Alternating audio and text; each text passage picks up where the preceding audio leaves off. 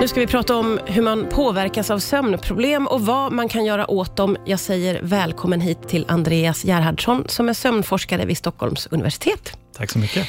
Eh, det finns ju självklart eh, hur många anledningar som helst till att man inte kan sova. Vad kan några av dem vara, Andreas? Ja, men jag tror att av de vanligaste orsakerna till sömnproblem är någon form av stress eller oro på något sätt eh, över vad som kommer hända kanske dagen efter eller eh, i framtiden på något sätt. Varför sätter det sig på sömnen? Eh, det handlar, tror jag, i stor del om att ehm, rena aktivitetsnivåer i kroppen. Är vi väldigt aktiva i kroppen så väldigt, blir det svårare för oss att komma ner i varv och svårare att sova. Mm. Um, och tyvärr då så är det väldigt viktigt att sova just de um, tillfällena för att kunna um, eller hur? Det där känns ju som ibland en, en, eh, ett moment 22 nästan. Ja, och det värsta är just den här oron över att inte kunna sova kan ju orsaka sömnbrist. Ja, ja precis. Eh, och Är det så att man har drabbats av sömnbrist så påverkas man ju på, på många sätt. På, på vilket sätt påverkar den, skulle du säga, vår hjärna? Eh, alltså det finns ju lite mer långsiktiga konsekvenser av sömnbrist som kanske handlar mer om eh, eh, alltså att vi får sämre immunsystem. Ehm, vi kan uppvisa tendenser till typ 2-diabetes, alltså när man tittar på blodsocker och sådär.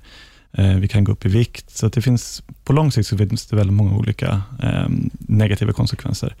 På kort sikt så är det inte lika allvarligt, men en natt utan sömn brukar ofta leda till att du blir väldigt mycket sämre på att koncentrera dig och får ett sämre humör. Det är väl de två vanligaste konsekvenserna. Ja, eh, och, och hur, hur, när blir det liksom... Om man sover dåligt en natt så förstår jag att det inte är livsfarligt på något sätt. Men om det håller i sig länge, eh, hur pass farligt är det för oss att inte kunna sova under en lång tid? Ja, alltså det... Tyvärr, man, jag vill ju heller inte vara alarmistisk, eh, för det är ju just eftersom sömnproblem och oro över att inte sova också kan, kan leda till mer sömnproblem.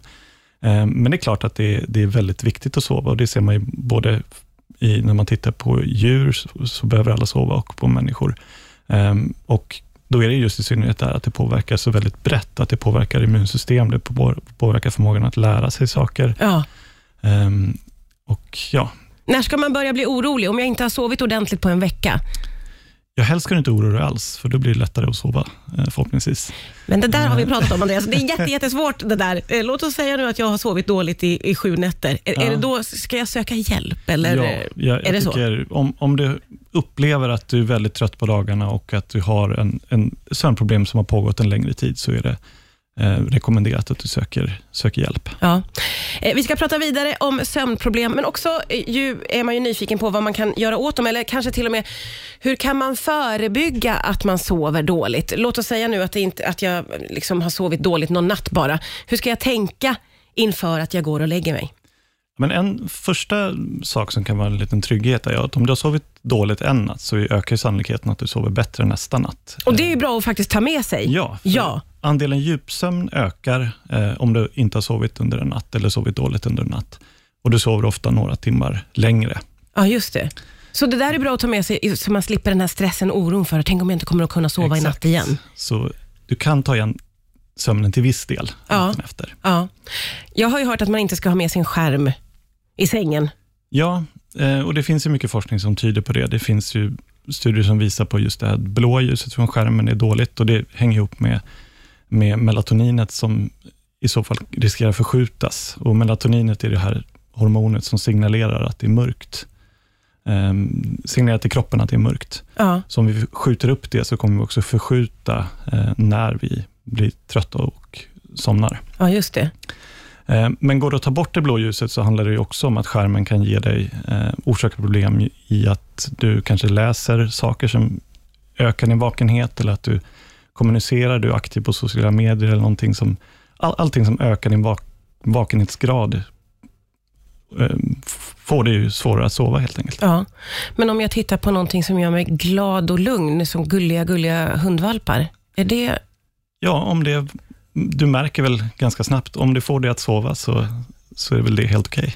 Så, så skärmen behöver inte vara dålig i alla lägen? Inte skärmen i sig. i sig egentligen. Nej. Hur ska man tänka kring eh, när man äter och dricker och så inför sänggående? Då? Ja, alltså, det är egentligen dels att dricka för nära på när du somnar, det är ganska logiskt att då kommer du kanske vakna upp av att du behöver kissa Ja, under natten, så Ja. det, det är kanske bra att undvika.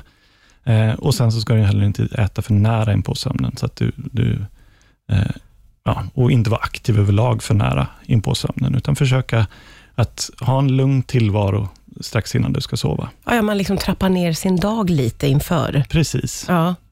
Och sånt här med temperatur i rum och sånt, spelar det någon roll? Ja, det ska helst vara ganska kallt i sovrummet. Eh, för när vi eh, ska gå och sova, eller när det börjar bli natt, så sjunker också gradvis kroppstemperaturen.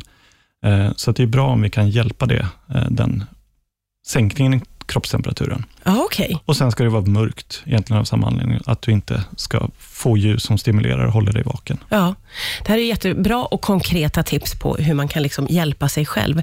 Och som du har sagt flera gånger så handlar det väldigt mycket om, förstår jag på dig, att man inte ska oroa sig.